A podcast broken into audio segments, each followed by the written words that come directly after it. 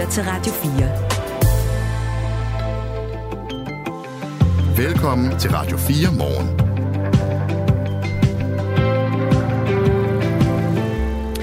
Den første minkavler har fået tilbudt en erstatning via det, der er blevet kaldt fast track-ordningen.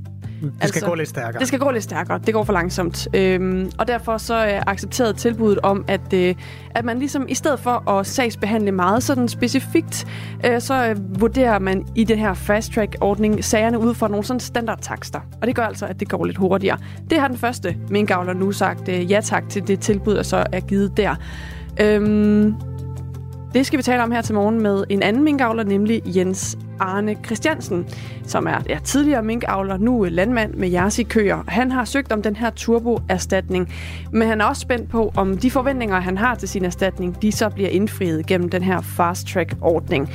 Øh, det er 7.34 her til morgen, når vi taler om ham. Det er sådan en halvlun øh, morgen, i hvert fald i betragtning af, at det er 16. februar. Det er fredag, øh, og og det er det, vi ved. Og så ved vi, at øh, nyhedstæppet er rullet ud foran vores fødder. Det er sådan et tæppe, der er lidt øh, tyndere i den her uge på grund af uge 7 og sådan noget. Men der er forskellige politiske ballonger, vi måske også kan vende os mod. Jeg ved, at Dansk Folkeparti foreslår, at man ruller kommunalreformen tilbage. Nu skal vi igen have 270 kommuner i stedet for de nuværende 98. Det vil vi gerne snakke med dem om. Ja. Vi prøver her til morgen. Hvis du lytter med, Peter Kofod, det, det synes vi er lidt, lidt sjovt. Også fordi argumentet er vist noget med, at de ikke kan lide hinanden i Høj, Haderslev og Vojens. Det er også der, han er opstillet. Ja, så er det fornuftigt nok. Ja. Nå. Men er det et argument for, at man så skal igen slå værløse og farerum sammen, eller adskille det, der nu er Furesø Kommune, eller adskille øh, de fire kommuner, der er blevet til Fagerskov og så videre. Det er en meget sjov diskussion, mm. og det er trods alt uge 7, og det er jo fredag. Ja, vi håber, at øh, hvis du hører det, så ring ind, Peter Kofod, eller så ringer vi til dig. Vi har allerede gjort det, tror jeg. Ja, ja. ja vi gør det igen. Ja. Klokken er 7 minutter over 7. Godmorgen. Godmorgen. Det her er Radio 4 morgen. Israelske styrker trængte i går ind i Nasser-hospitalet i byen Khan Yunis, som ligger i det sydlige Gaza. Det oplyste Israels militær til Reuters. Det er på trods af, at FN tidligere har opfordret Israel til at holde sig væk fra hospitalerne. Det gjorde man altså alligevel. En, ifølge en talsperson fra det israelske militær, så har soldater fra Israels øh, her fundet ja, flere mennesker, der skulle anholdes derinde, fordi de er mistænkt for at være tilknyttet Hamas. Allan Sørensen følger den her sag fra Mellemøsten, og øh, ja, han fortæller, at det er en operation, der fortsætter. Den har varet hele natten, og den fortsætter her til morgen, og det vil den givetvis også gøre øh, de næste dage. For det israelerne siger om operationen, det er, at de er inden for at lede efter eventuelle øh, israelske gisler på hospitalet, eller resterne af dem, altså lignende fra øh, israelske gisler.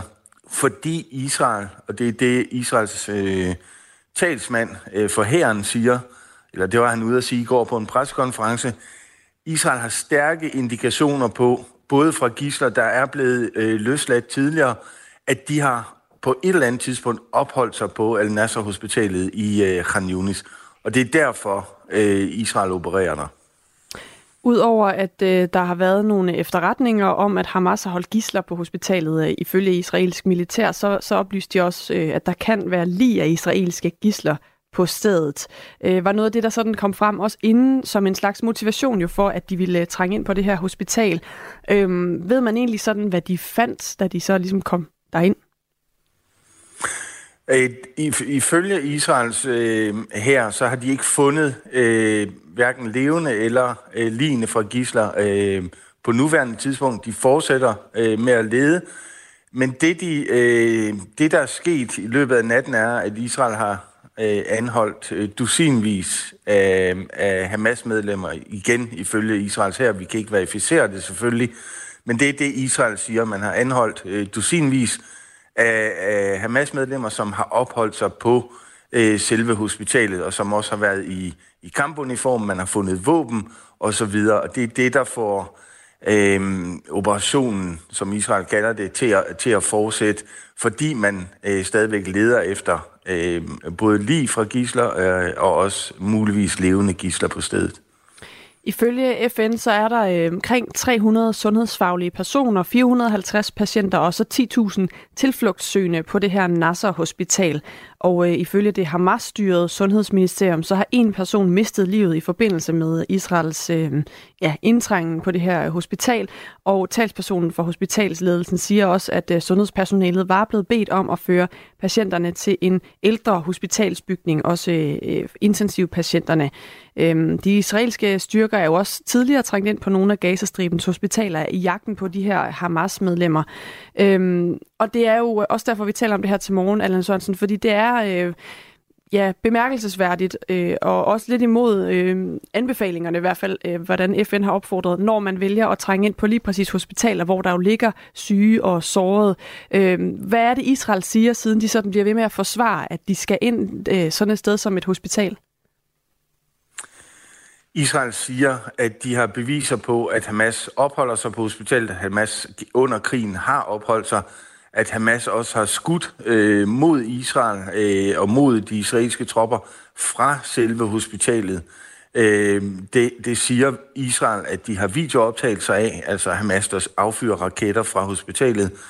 Øh, og, og, og Israel er også ude at sige, øh, sent i går, øh, at, at man selvfølgelig øh, foretager den her operation, så, altså hvor kaotisk det end ser ud, øh, inden for øh, de internationale retningslinjer, øh, og at man gør alt for at skåne øh, både personale og, øh, og patienter. Og Israels talsmand øh, for herren, han sagde også, at øh, i nogle tilfælde, der hjælper Israel også med at behandle nogle af, af patienterne. Det er selvfølgelig, øh, altså vi hører det modsatte fra den anden side, øh, fra palæstinensisk side, der er det øh, ren kaos, der bliver lagt video og, og sekvenser ud, hvor det hele er røg og, og, og, og skudsalver inde på selve hospitalet. Så det er meget svært, det er meget svært at vide øh, helt præcis, hvad det er, øh, der foregår på den enkelte afdeling øh, og, og de enkelte bygninger. Men den ene side, altså Israel siger, at de gør det i overensstemmelse med international lov, fordi Hamas opererer der, og Hamas siger, at, at alle er i, i, i fare i øjeblikket. Altså alle de patienter, der opholder sig, plus øh, de omkring 10.000 øh, civile, der også har samlet sig på, øh, på selve hospitalsgrunden. Sagde Allan Sørensen, der altså resumerede det her angreb, der fortsætter. Et natligt angreb på et hospital i Khan Yunis, Khan Yunis i det sydlige Gaza. Klokken er 12 øh, minutter over syv. Ladies and gentlemen, welcome aboard this Northwest Orient Airlines Flight 305 with services from Portland to Seattle. En mystisk passager rækker en stewardesse en håndskreven seddel. Miss, you'd better look at that note. I have a bomb. Det handler om D.B. Cooper. Manden, der plyndrer et fly. Han vil have 200.000 dollars i kontanter. Hopper ud af det med faldskærm på og øh, forsvinder sporløst. Lyt med, når Krimiland genåbner sagen om den mystiske flykabrer DB Cooper i Radio 4's app, eller der, hvor du lytter til podcast. Det er den eneste uopklarede flykabring i FBI's historie.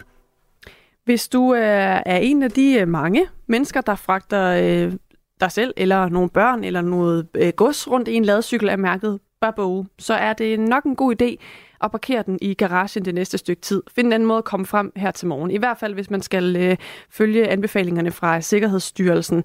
Øhm, forhandleren af den her populære ladcykel har nemlig øh, øjeblikkeligt indstillet salg og levering af ladcyklerne midlertidigt. Og øh, Babo Danmark opfordrer også til, at ejere af ladcyklerne ikke bruger dem, indtil forhandleren er kommet til bunds i sagen og øh, Sikkerhedsstyrelsen anbefaler altså også, at man følger den opfordring. Det hele sker efter, at den hollandske forbrugersikkerhedsmyndighed har beordret, at øh, Babbo i Holland stopper salget og tilbagekalder ladcyklerne på grund af manglende dokumentation i forhold til nogle sikkerhedsgodkendelser. Og det er en øh, god beslutning af Barbo Danmark, at man så opfordrer til ikke at bruge ladcyklen. Men hvis du er meget afhængig af den, så skal du også bruge din sunde fornuft og overveje at tage den i brug alligevel, lyder opfordringen i hvert fald fra Cyklistforbundet, hvor Jens Peter Hansen er landsformand.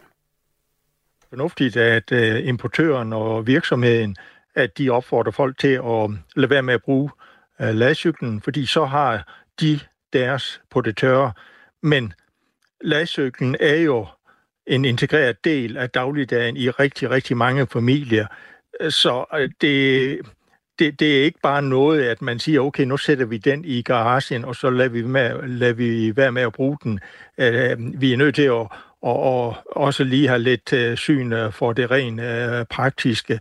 Så altså min anbefaling, det vil være, at tage et ekstra godt tjek øh, på øh, jeres ladcykel, øh, øh, og hvis at I har kørt på den i øh, lang tid uden problemer, og ikke ser noget mærkeligt, og den er nødvendig i dagligdagen, jamen øh, så øh, brug øh, ja, sund fornuft og fortsæt med at, at bruge øh, ladcyklen lyder altså øh, meldingen fra Jens Peter Hansen, landsformand for Cyklistforbundet, som på den måde også øh, går lidt imod det, som Sikkerhedsstyrelsen anbefaler. Det handler om, at øh, den hollandske forbrugersikkerhedsmyndighed har undersøgt de her ladcykler, efter der har været flere meldinger om ødelagte stel på nogle af modellerne.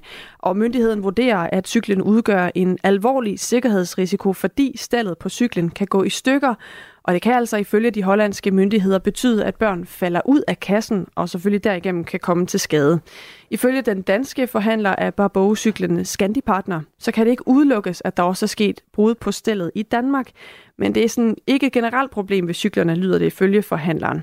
Og øh, Jens Peter Hansen fra Cyklistforbundet erkender også, at det lyder voldsomt det her med, at øh, stillet altså kan gå i stykker, og at børn kan falde ud af, af stelkassen. Men han mener, at hvis man som fører har tjekket sin cykel og ikke har haft problemer med den, så kan man altså godt tage sine børn med på cyklen, på trods af den her udmelding fra Barbo Danmark. Uanset om det er en babu eller en øh, hver anden cykel, øh, eller for den sag skyld et hver andet køretøj, så er det føreren, at det har ansvaret for, at køretøjet er i orden. Og det, det ansvar, det må man uh, tage på sig. Hvis nogen de føler sig utryg efter de her udmeldinger, så skal de selvfølgelig lade cyklen stå. Jeg har selv en datter, der har en babu. Jeg har endnu ikke ringet og sagt til hende, uh, du skal ikke køre rundt med mine børnebørn i din lagcykel. Hvordan forsikrer man så, så, at ens cykel er i orden, inden man sætter sig op på den? I og med, at det er åbenbart er stilbrud, at det er problemet, så skal man øh, kigge efter der, hvor at, øh, det er svejsninger øh, på stillet. Så lang tid, at øh, øh, cykler de bliver lavet af mennesker, øh, så kan det selvfølgelig ske fejl.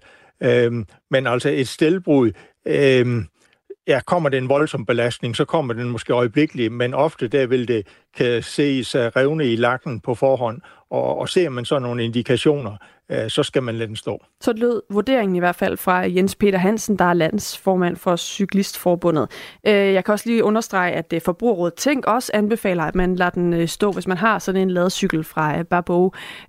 De siger, at, at de er enige med Sikkerhedsstyrelsen i, at med det, man ved lige nu, så er det altså en god idé at lade den være i i skuret eller i garagen, eller hvor man har den holdende hen, indtil vi ved mere om øh, sikkerhedsrisikoen osv. Lige nu er klokken 17 minutter over syv. Det her er Radio 4 morgen. Han stoppede for ni år siden, og øh, nu er han altså simpelthen vendt tilbage. En sindssygt populær og anerkendt komiker og talkshow-vært.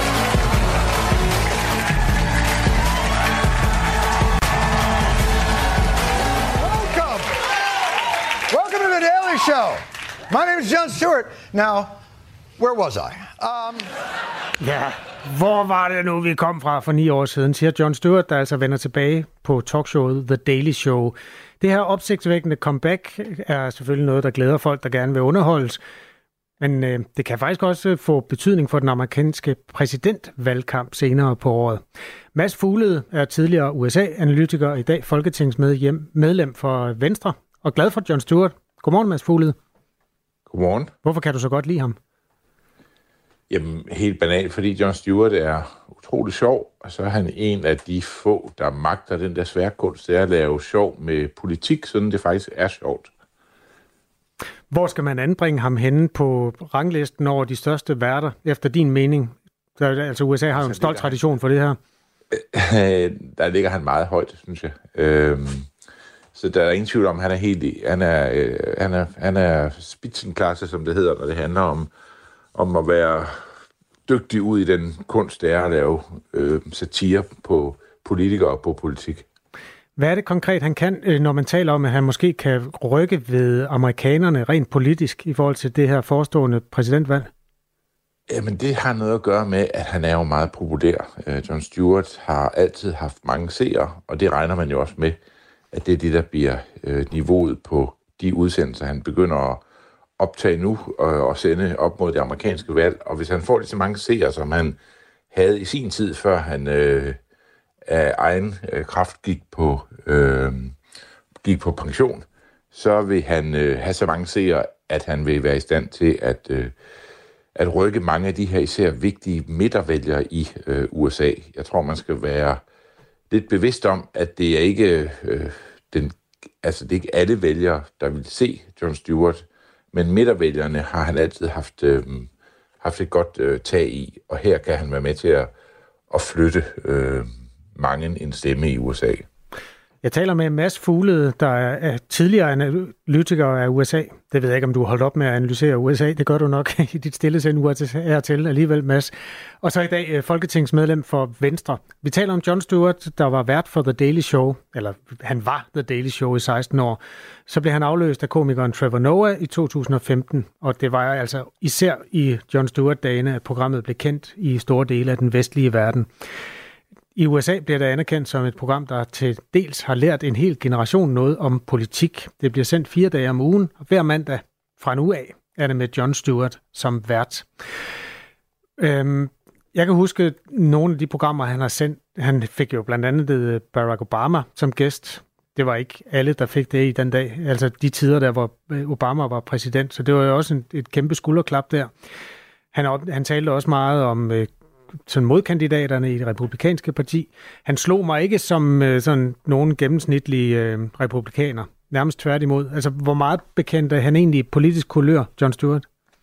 Meget. Jeg tror ikke, man skal være i tvivl om, at øh, John Stewart kan godt lide en vis type politikere, både i det demokratiske parti og også hos republikanerne. Den republikaner, han mest var med til at løfte, var John McCain, som øh, var en af hans øh, øh flittigste øh, gæster og var rigtig god til at bruge John Stewarts øh, format til at, øh, at, at, at øh, markere sine synspunkter og gøre sig spiselig over for, for vælgerne, men, men, men det er ikke det republikanske publikum, der ser John Stewart, og alle ved godt, at John Stewart er heller ikke øh, republikaner. John Stewart øh, kan godt lide moderate, øh, demokratiske øh, kandidater og placere sig politisk øh, deromkring, også selvom han øh, gør en dyd ud af at sige, at han er apolitisk. Og hans første udsendelse, som øh, blev sendt i den her omgang, er også en, hvor den han tager fat i både øh, Joe Biden og øh, Donald Trump, men han gør meget ud af og, øh, og, og gør meget grin med øh, Joe Biden. Jeg tror, han er bange for at blive øh, sat for meget i bås med, med demokraterne. Vi har et klip fra det første afsnit med John Stewart som vært i den her uge. Det handler om et fatalt pressemøde, som Joe Biden holdt for en uge siden, efter en diskussion om Bidens alder og hukommelse igen var kommet op til diskussion. Joe Biden klarer den første del af pressemødet godt, men på vej ud af pressemødet vælger han at gå tilbage til pressen, og så gik det ikke så godt. Øh, der kommer lige 17 sekunder. Allow me to present to you a one-man show about what Joe Biden's advisors were doing when he turned around – and went back to the podium. The show is called No! Do not go back! Nej, for himlens skyld, gå nu ud og gå væk, tænkte alle rådgivere. det gjorde han ikke. Han laver sin egen fortolkede genskabelse af, hvad Bidens presserådgiver tænkte, da Joe Biden højst overraskende staver tilbage til pressen efter at have talt med dem. Det, sådan noget som det her, hvordan påvirker det øh, altså stemmerne til præsidentvalget? Jamen det tror jeg får en stor øh, indflydelse. Det, der er Joe Bidens største udfordring, er, at langt de fleste amerikanske vælgere, i hvert fald er det tydeligt i måling efter måling efter måling, siger, at Bidens største udfordring er, at han er for gammel. At demokraterne burde have fundet en, en yngre kandidat. Og når John Stewart så vælger at hoppe med på den øh, debat og udstille præsidenten, som jo, man kan sige, udstillede sig selv i det, ved det pressemøde, som øh, John Stewart taler om her, så, øh, så, så, så, så, så er det ikke godt for Joe Biden. Der er ingen tvivl om, at have, i Joe Bidens lejr har man siddet og set den her udsendelse med John Stewart og tænkt, det der, det kommer til at gå ondt. Der er jo stadigvæk stemmer, der taler om, at er det egentlig Joe Biden, man skal stille op? Kunne man finde en anden demokrat? Er, er det løb egentlig kørt, Mads Fuglede? Nej, det løb er ikke kørt. Man har et øh, konvent til sommer i det øh, demokratiske parti, hvor man mødes, øh, og der vil man stadigvæk kunne nå at, at vælge en anden, men det vil jo det vil være meget sent nu, og det er ret utænkeligt, at det kommer til at ske, men det er i, det er i princippet ikke øh, for sent. Joe Biden kan godt øh, kort før konventet, eller endda til konventet, sige, jeg ønsker alligevel ikke øh, at stille op som jeres kandidat. Øh, men det vil så skabe en meget tumultarisk situation i det demokratiske parti, men det er ikke for sent. Hvis vi taler om John Stewart som en mand, der kan flytte stemmerne, så er det jo spørgsmålet om, hvad det er for nogle lejre, han kan flytte dem frem og tilbage imellem. Og hvis man skal være lidt grov og tage de stemmer, som er øh, eller realistiske, så er det, at man kan vælge mellem en fuldstændig uforudsigelig, tumultarisk øh, fyr, der hedder Trump, og en halvsenil mand, der hedder Joe Biden. Hvor, hvordan skal Joe, hvad hedder han, øh, John Stewart på nogen måde påvirke det? Altså det eneste, han kan fortælle, det er jo, det, det er pest og kolera. ja, og sådan tror jeg, mange øh, amerikanske vælgere har. Man har en del målinger, der viser, at øh, der er ikke ret mange amerikanere, der synes, at netop de to, de kan vælge mellem til det kommende valg, altså Joe Biden og, Donald Trump, øh, falder i ret mange vælgers smag. De ville gerne have haft, at begge partier havde stillet nogle andre kandidater op. Men det er der altså ikke meget, der tyder på, de kommer til. Det er jo ikke Trumps kernevælgere, der sidder og ser John Stewart. Det tror jeg, man skal være klar over. De har nogle andre kanaler, de følger med i, og vil sikkert ikke lade sig påvirke af en, øh, en, en i deres øjne venstreorienteret type, som øh, John Stewart. Der, hvor John Stewart er fat, det øh, er i den gruppe af vælgere, som er uafhængige, som i princippet kan svinge mellem de to øh, partier. Og hvis, øh, hvis den gruppe øh, sådan skal stå tydeligt i, i, i, lytternes ører, hvorfor de, er, hvorfor de er vigtige, så er det fordi, det er uafhængige vælgere, der har afgjort alle, ikke nogen, men alle amerikanske valg siden 2. verdenskrig. Så det er en meget, meget vigtig øh, lyttergruppe, øh, eller seergruppe, som, øh, som John Stewart har, øh, har fat i. Og, og, og den gruppe er stadigvæk øh, uafklaret på en række øh, spørgsmål, og hvis, hvis John Stewart kan trække dem i den ene eller anden retning, så får det en, øh, en, en stor betydning øh, for det kommende valg. Jeg taler med Mads Fuglede, som er John Stewart-fan og folketingsmand for Venstre, eller folketingsmedlem hedder det retligt, undskyld, øh, tidligere USA-analytiker. Mads Fuglede, det, her i Danmark er det jo rød og blå i en stor grød inde i regeringen på midten. I USA, der er det åbenbart mere polariseret end nogensinde før. Det kan nogle gange være svært at forstå, hvad de to amerikanske partier egentlig er, hvis man skal oversætte dem til øh, sådan partier, vi kender herhjemme. Altså, hvad er egentlig forskellen på det republikanske parti og det demokratiske parti? Den største helt grundlæggende forskel er, at republikanerne er et øh, antiføderalt parti. En gennemsnitlig republikaner synes, at magten skal være placeret ude i de republikanske delstater. Så hvis du møder en republikaner, så vil han sige, at den vigtigste politiker i mit liv, det skal være min lokale borgmester eller min lokale guvernør. Demokraterne er anderledes øh, indstillet. De synes, magten skal i højere grad centraliseres i Washington D.C., og hvis man spørger en demokrat, hvem er den vigtigste politiker i dit liv, så vil en demokrat sige, at det er min øh, præsident.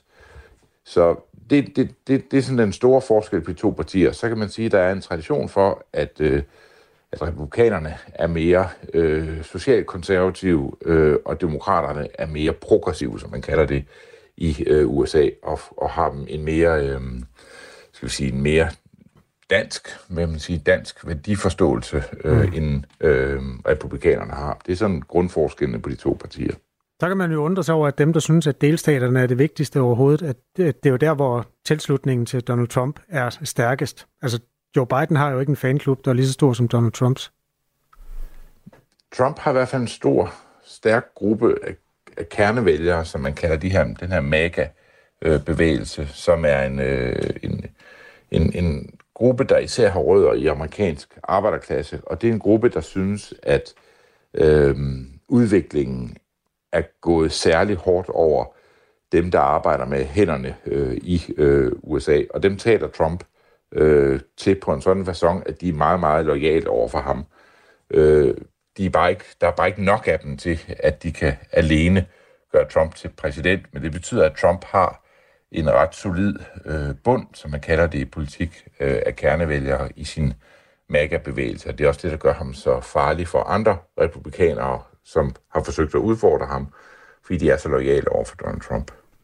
Nu glæder det helt over i en USA-analyse. Det er godt, du ikke har glemt den disciplin, øh, Mads Fuglede. Tak fordi du både vil hjælpe os med at anmelde til forestående valg og anmelde øh, John Stewarts tilbagevenden til talkshow-branchen. Ha' en god dag. I lige måde. Klokken er halv otte. Nu er der nyheder på Radio 4. USA's præsident Joe Biden mener ikke, at Israels militære operation i Rafah i det sydlige Gaza kan fortsætte, uden at der er en plan for de civile sikkerhed, så lyder det i en udtalelse fra det hvide hus. Udtalelsen kommer efter, at Biden har talt i telefon med Israels premierminister Benjamin Netanyahu.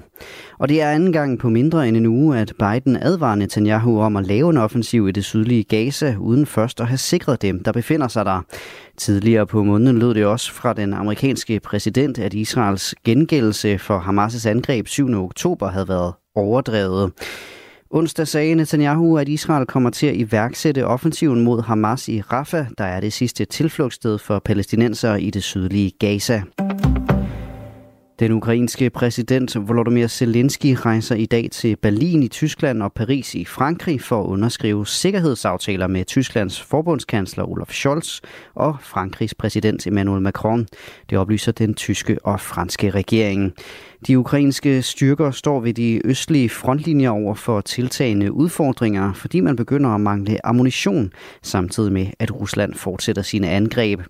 Zelensky og Scholz ventes i dag at underskrive en sikkerhedspagt, som dækker Ukraines langsigtede sikkerhedsforpligtelser og støtte, siger den tyske regering.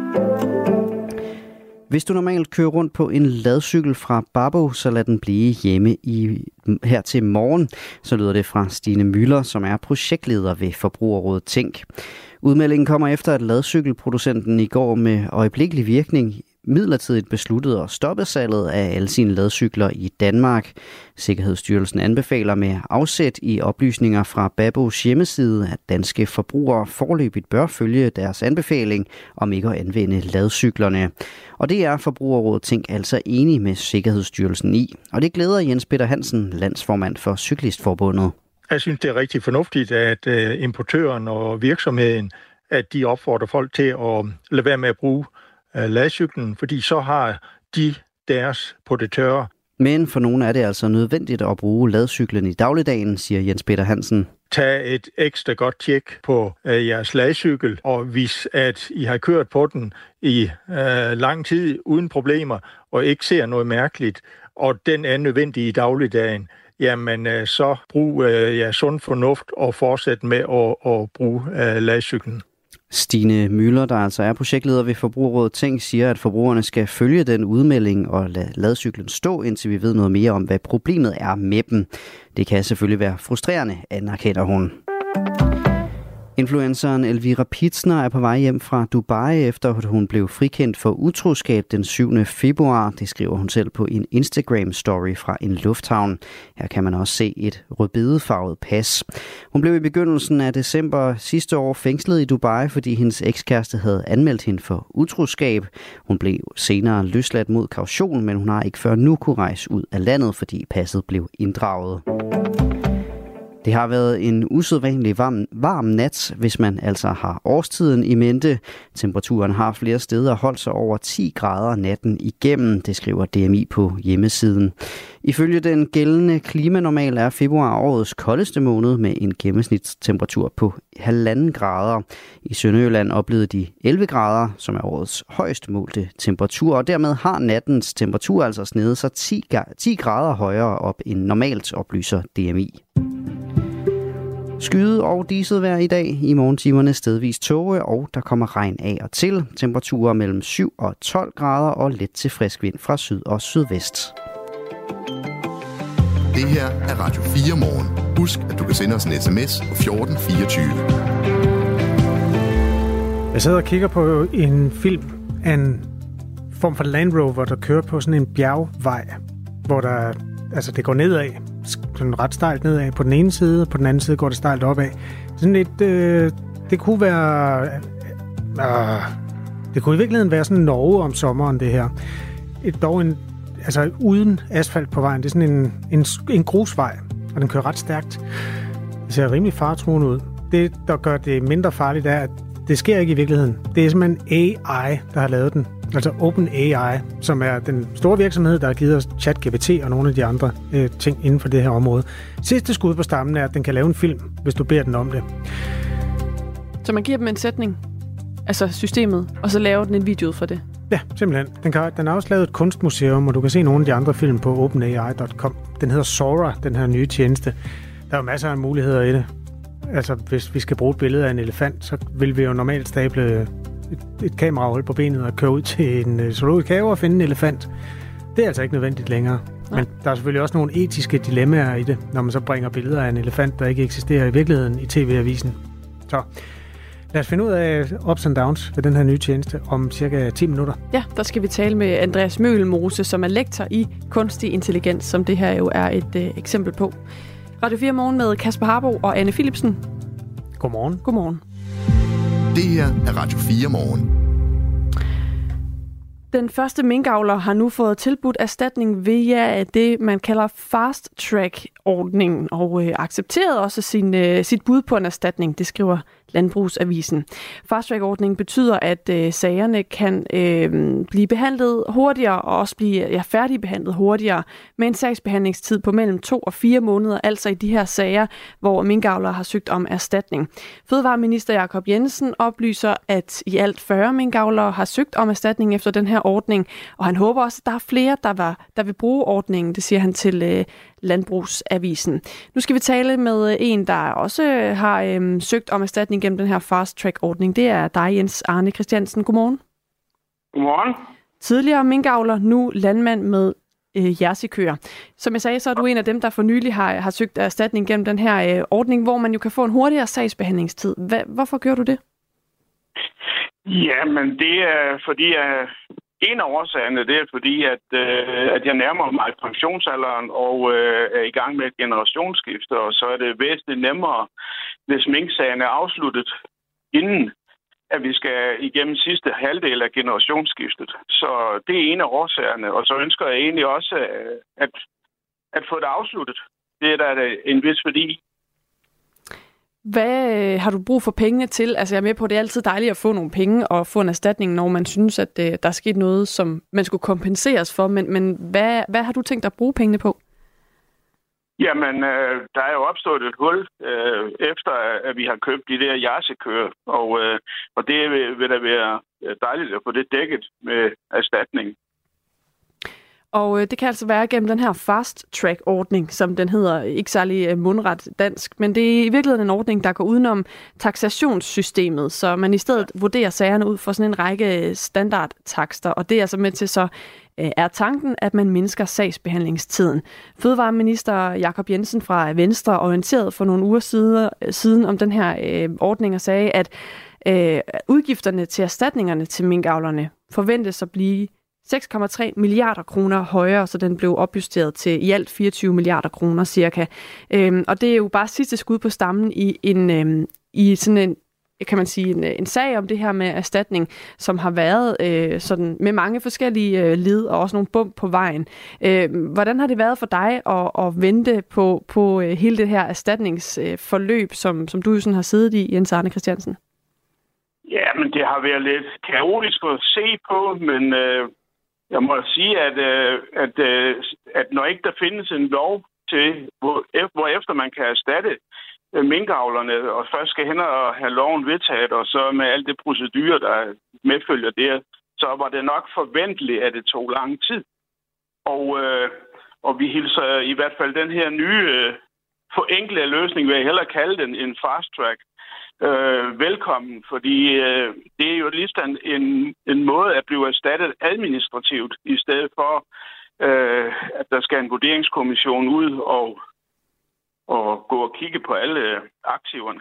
Så vil der så er der i øh, den forenklede løsning her hyret et privat firma, som tager rundt og, og vurdere øh, aktiverne. Og øh, det, har jeg for, det har jeg hørt fra andre, øh, som jeg kender, som har, fået, som har søgt via den forenklede løsning, at det sker ret hurtigt.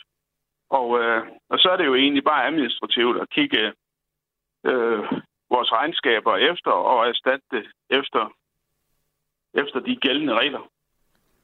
Du havde øh, omkring 5.500 avlstæver, øh, da du ligesom så øh, endte med at skulle lukke det ned. Øh, hvad skal der egentlig til, for at du accepterer det tilbud, der kommer inden for øh, de næste to til fire måneder i den her ordning?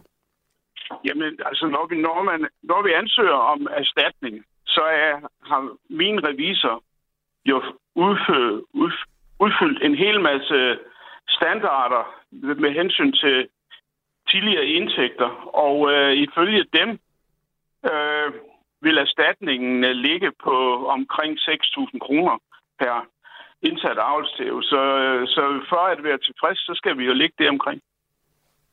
Tror du egentlig, at øh, du kommer til at få flere eller færre penge af at benytte den her fast track ordning i forhold til, hvis du havde ventet øh, og, og så benyttet den oprindelige ordning, men som er en længere sagsbehandlingstid? Det eneste, det eneste, jeg kan se, der skulle være til forskel, det er, at staten kommer til at betale lidt flere renter i det, at, de, at jeg skal vente på penge. Men Så du... jeg håber, og jeg tror på, at jeg vil få den samme erstatning, uanset hvad, hvad for en, øh, en øh, måde, jeg vælger at søge erstatningen efter. Deadline for at søge den her øh, erstatning via fast track ordning, det er øh, 1. April. Øhm, Minister Jakob Jensen vil ikke afvise, at fristen kan blive forlænget, øh, siger han til, til Landbrugsavisen. Og vi ved altså, at den første minkavler har fået tilbudt erstatning via den her ordning, og også har accepteret tilbuddet. Jens Arne Christiansen, nu nævnte du før, at du også har talt med nogen, der også har kigget på den her ordning. Øhm, dem du sådan øh, taler med, altså af tidligere minkavlere, har de også en forventning til, at, at det her øh, bliver en løsning, hvor de øh, kan se sig selv i det tilbud, der kommer fra, fra, fra øh, altså erstatningstilbuddet? Ja, det tror jeg, at, øh, at, øh, at, at minkavlen er positiv. Øh, det tager bare tid at, øh, at fortælle alle aktiverne op og, øh, og, og få dem ført ind i den, øh, det, skema, det, det schema, vi skal udfylde for at øh, lave ansøgningen. Og reviserne har jo også, øh, som nu skal med, med revisorerklæring øh, tjekke, at, øh, at aktiver og og hvad hedder regnskabstal er de rigtige. Så ting tager tid, og reviserne skal også øh, lave andet end, øh, end øh, at udfylde papir for minkavlere. Så jeg håber da selvfølgelig, at ministeren forlænger, øh, hvis det bliver nødvendigt, forlænger den frist. Øh, og det er jeg da helt sikker på, at han gør. Tak fordi du var med her til morgen, Jens Arne Christiansen. Godt. Hej. Hej. Tidligere minkavler og nu landmand med jersikør. Skilsmisse, livskrise og en familie, der pludselig skal være to. Jeg har jo faktisk levet et liv med en person, jeg overhovedet ikke ved, hvem er. Lyt med, når Marie Slo McFordrup taler med en kendt dansker om det, der sker, når man bliver skilt. Tit og ofte kunne jeg jo lugt på sikkerhedsscenen. Han har kørt rundt med sekretæren, hendes parfume stang sig, det var nærmest som om, han havde et forhold nummer to til hende. Lyt til Skilsmissen søndag kl. 9.05. Du får jo ikke bare lige tæmmet en playboy. Lige her på Radio 4. Vi kigger på øh, Kalifornien, som det så ud dengang, øh, altså under guldfeberen. Det må være en gang i 1800-tallet hvor øh, man sådan panorerer hen over et, et landskab, der er en lidt doven bæk, der løber igennem en landsby, og så rider folk på heste, og alle bygninger er lavet af træ, bedste western-stil. Det er meget, meget, meget virkelighedstro, det her, som jeg tror virkeligheden så ud for 150 år siden. Men det er alt sammen skabt af den her nye filmtjeneste, en digital måde at lave kunstige film på. Det er kunstig intelligens, OpenAI, der er selskabet bag, som nu altså også har lanceret deres nye kunstige intelligensværktøj kaldet Sora, som kan lave videoer ud fra en enkelt sætning. Sætningen her lød Historical footage of California during the Gold Rush. Og så er der dukket sådan en film op her. Andreas Møgelmose er lektor i kunstig intelligens ved Aalborg Universitet. Godmorgen. Godmorgen. Har du været inde og hilse på Sora? Ja, jeg har lige nået det. Nu blev det jo først lanceret i går aftes, så jeg så det lige her til morgen, og så ringede det. Så, men ja, jeg har lige øh, nået at se det. Tak fordi du vil øh, hoppe på her. Vi er first movers øh, i Radio 4. Det må man sige. Hvad er dit første indtryk? Jamen, det er imponerende. Altså, der er... Øh, OpenAI er ikke de første, der arbejder på de her generative AI-tjenester til video. Øh, der er i hvert fald to andre, Runway ML og Pika, som, som har arbejdet på det her længe, og det har OpenAI tydeligvis også. De har bare ikke talt så højt om det. Øh, men, men ingen tvivl om, at det, som OpenAI's SORA-model her, den kan præstere, det er bedre end noget af det videogenerering, jeg har set før. Hvornår bliver den åben, så jeg kan lave en film af, ja, det ved jeg ikke, min farmors hus, eller sådan noget? Det skal du nok ringe til Sam Altman og spørge om. Øh, lige nu så øh, annoncerer de, at det bliver frigivet til det, de kalder red teamers, det vil sige øh, eksperter inden for området, som skal teste, om der er noget farligt ved den, eller om den kan misbruges på en eller anden måde, og som kan hjælpe med at forhindre eventuelt misbrug. Og de tid, og når man så formentlig konkluderer, at om den er ikke så farlig, så bliver den formentlig frigivet til, til betalingsversionen af ChatGPT, forventer jeg. Men der er jo masser af ting, der kan gå galt, når man gør sådan noget her. Hvis den bliver enormt dygtig, og man kan sige, øh, lav en sexfilm med Taylor Swift og hendes øh, fodboldspiller mand der, så, så er man jo allerede ud over en hel masse grænser. Ved du, hvilke, hvilke tiltag man gør for at øh, lukke ned for alt det der? Altså, de har en, en række øh, sikkerhedstjek i brugen af det. Øhm, blandt andet så har de allerede fra ChatGPT, der, der tester, der har de et system, der tester om den prompt, altså det, man spørger maskinen om, øh, om, om det nu er okay at spørge om. Og så i ChatGPT får man et høfligt øh, nej-svar øh, tilbage, hvis man spørger om noget, man ikke må spørge om. Og det genbruger de her. Så man kan sige, de har allerede fra prompt, inden når man beder dem om at generere en video, så er der et, et, en anden AI, som sidder og tjekker, at er det her noget, som er okay at spørge om eller ikke. Øh, og så er der også en AI i sidste ende, som tjekker, om det output, der kommer ud, ser suspekt ud. Øh, det er ikke 100% sikkerhed. Vi ved godt, at folk nogle gange kan lykkes med at snyde det her, men, men det vil i hvert fald tage, tage altså langt, langt største del af misbrug fra. Hvis man lige får tid til at sætte sig ved internettet på et tidspunkt i dag, så kan man gå ind på openai.com-sora, og så kan man se de der ni film, som er nogle eksempler på, hvordan maskinen angiveligt ud fra en enkelt sætning har konstrueret et stykke film, som ser helt øh, vanvittigt flot ud. Nu beskriver jeg det her Historical Footage of California During the Gold Rush. Altså, man ser en landsby, og ja. man ser mennesker, der går rundt i den, og der er heste, og der er alt muligt. Altså, er det den, den eneste oplysning, maskinen har fået? Er det den sætning? Og så er den øh, tænkt sig til resten? Altså, øh, man kan sige, det er den eneste oplysning, som du har givet maskinen. Men, men måden, den kan gøre det her på, det er jo fordi, den er trænet på milliarder og milliarder af billeder og billeder fra video øh, før i tiden. Så den har jo set masser den kaliforniske guldfeber så ud. Øh, og så trækker den ligesom på, hvad vi kan kalde det, dens baggrundsviden, som er en integreret del af det neurale netværk, som er blevet trænet. Øh, og derfor så forstår den, hvad du spørger om.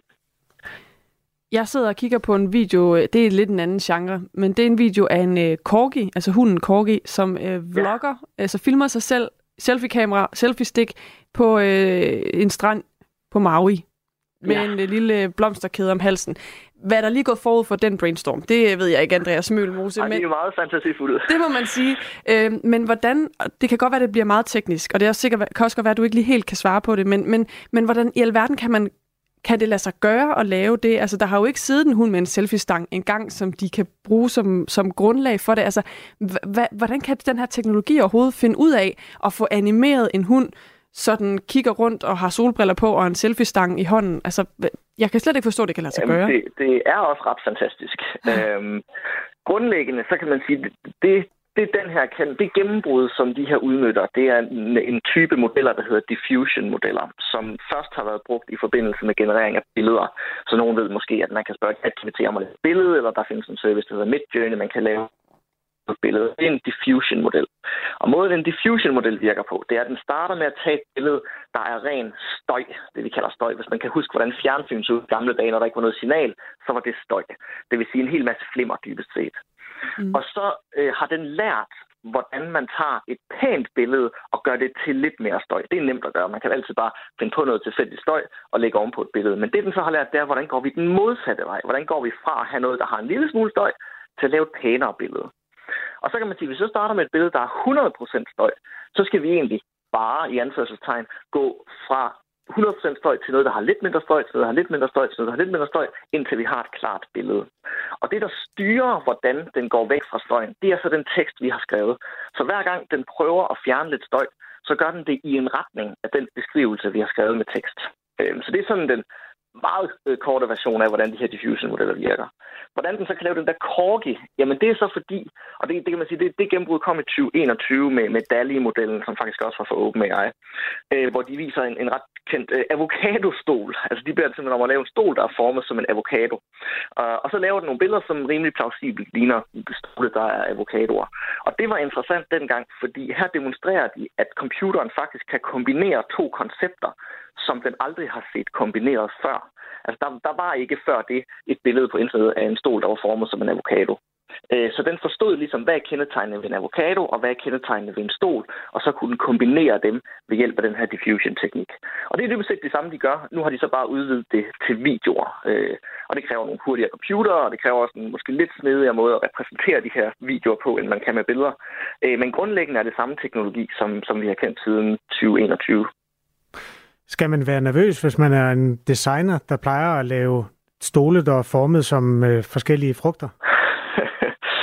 øhm, nej, det tror jeg ikke. Altså, der er jo mange andre ting i, i design, end bare af det. Og så videre, det er en god stol at sidde i, og øh, og øh, ja, kan man overhovedet sidde i den, og kan man producere den, og hvad skal der til for at producere den, osv. Så, så det kan sagtens være, at man kan bruge den til nogle brainstorms. Altså, jeg vil ikke være nervøs, hvis jeg var designer. Jeg vil se det som en kæmpe fordel, at nu kan man lynhurtigt lave nogle brainstorm renderings af, hvordan ens øh, nye stol kunne se ud. Og når man så ser noget, der ser rigtig godt ud, så kunne man sige, det er en god idé, den vil jeg prøve at løbe med og raffinere lidt mere. Vi taler med Andreas Møgelmose, lektor i kunstig intelligens ved Aalborg Universitet, om den her film skabende form for AI, der er kommet på openai.com. Det er en tjeneste, der hedder Sora, som stadig er i sin vorden, men som har produceret nogle ret fine film. Jeg nævnte den film fra det kaliforniske historiske landskab under Gold Rush. Jeg googlede mig frem til, at det var omkring 1850, at man fandt guld der, og så søgte alle derhen.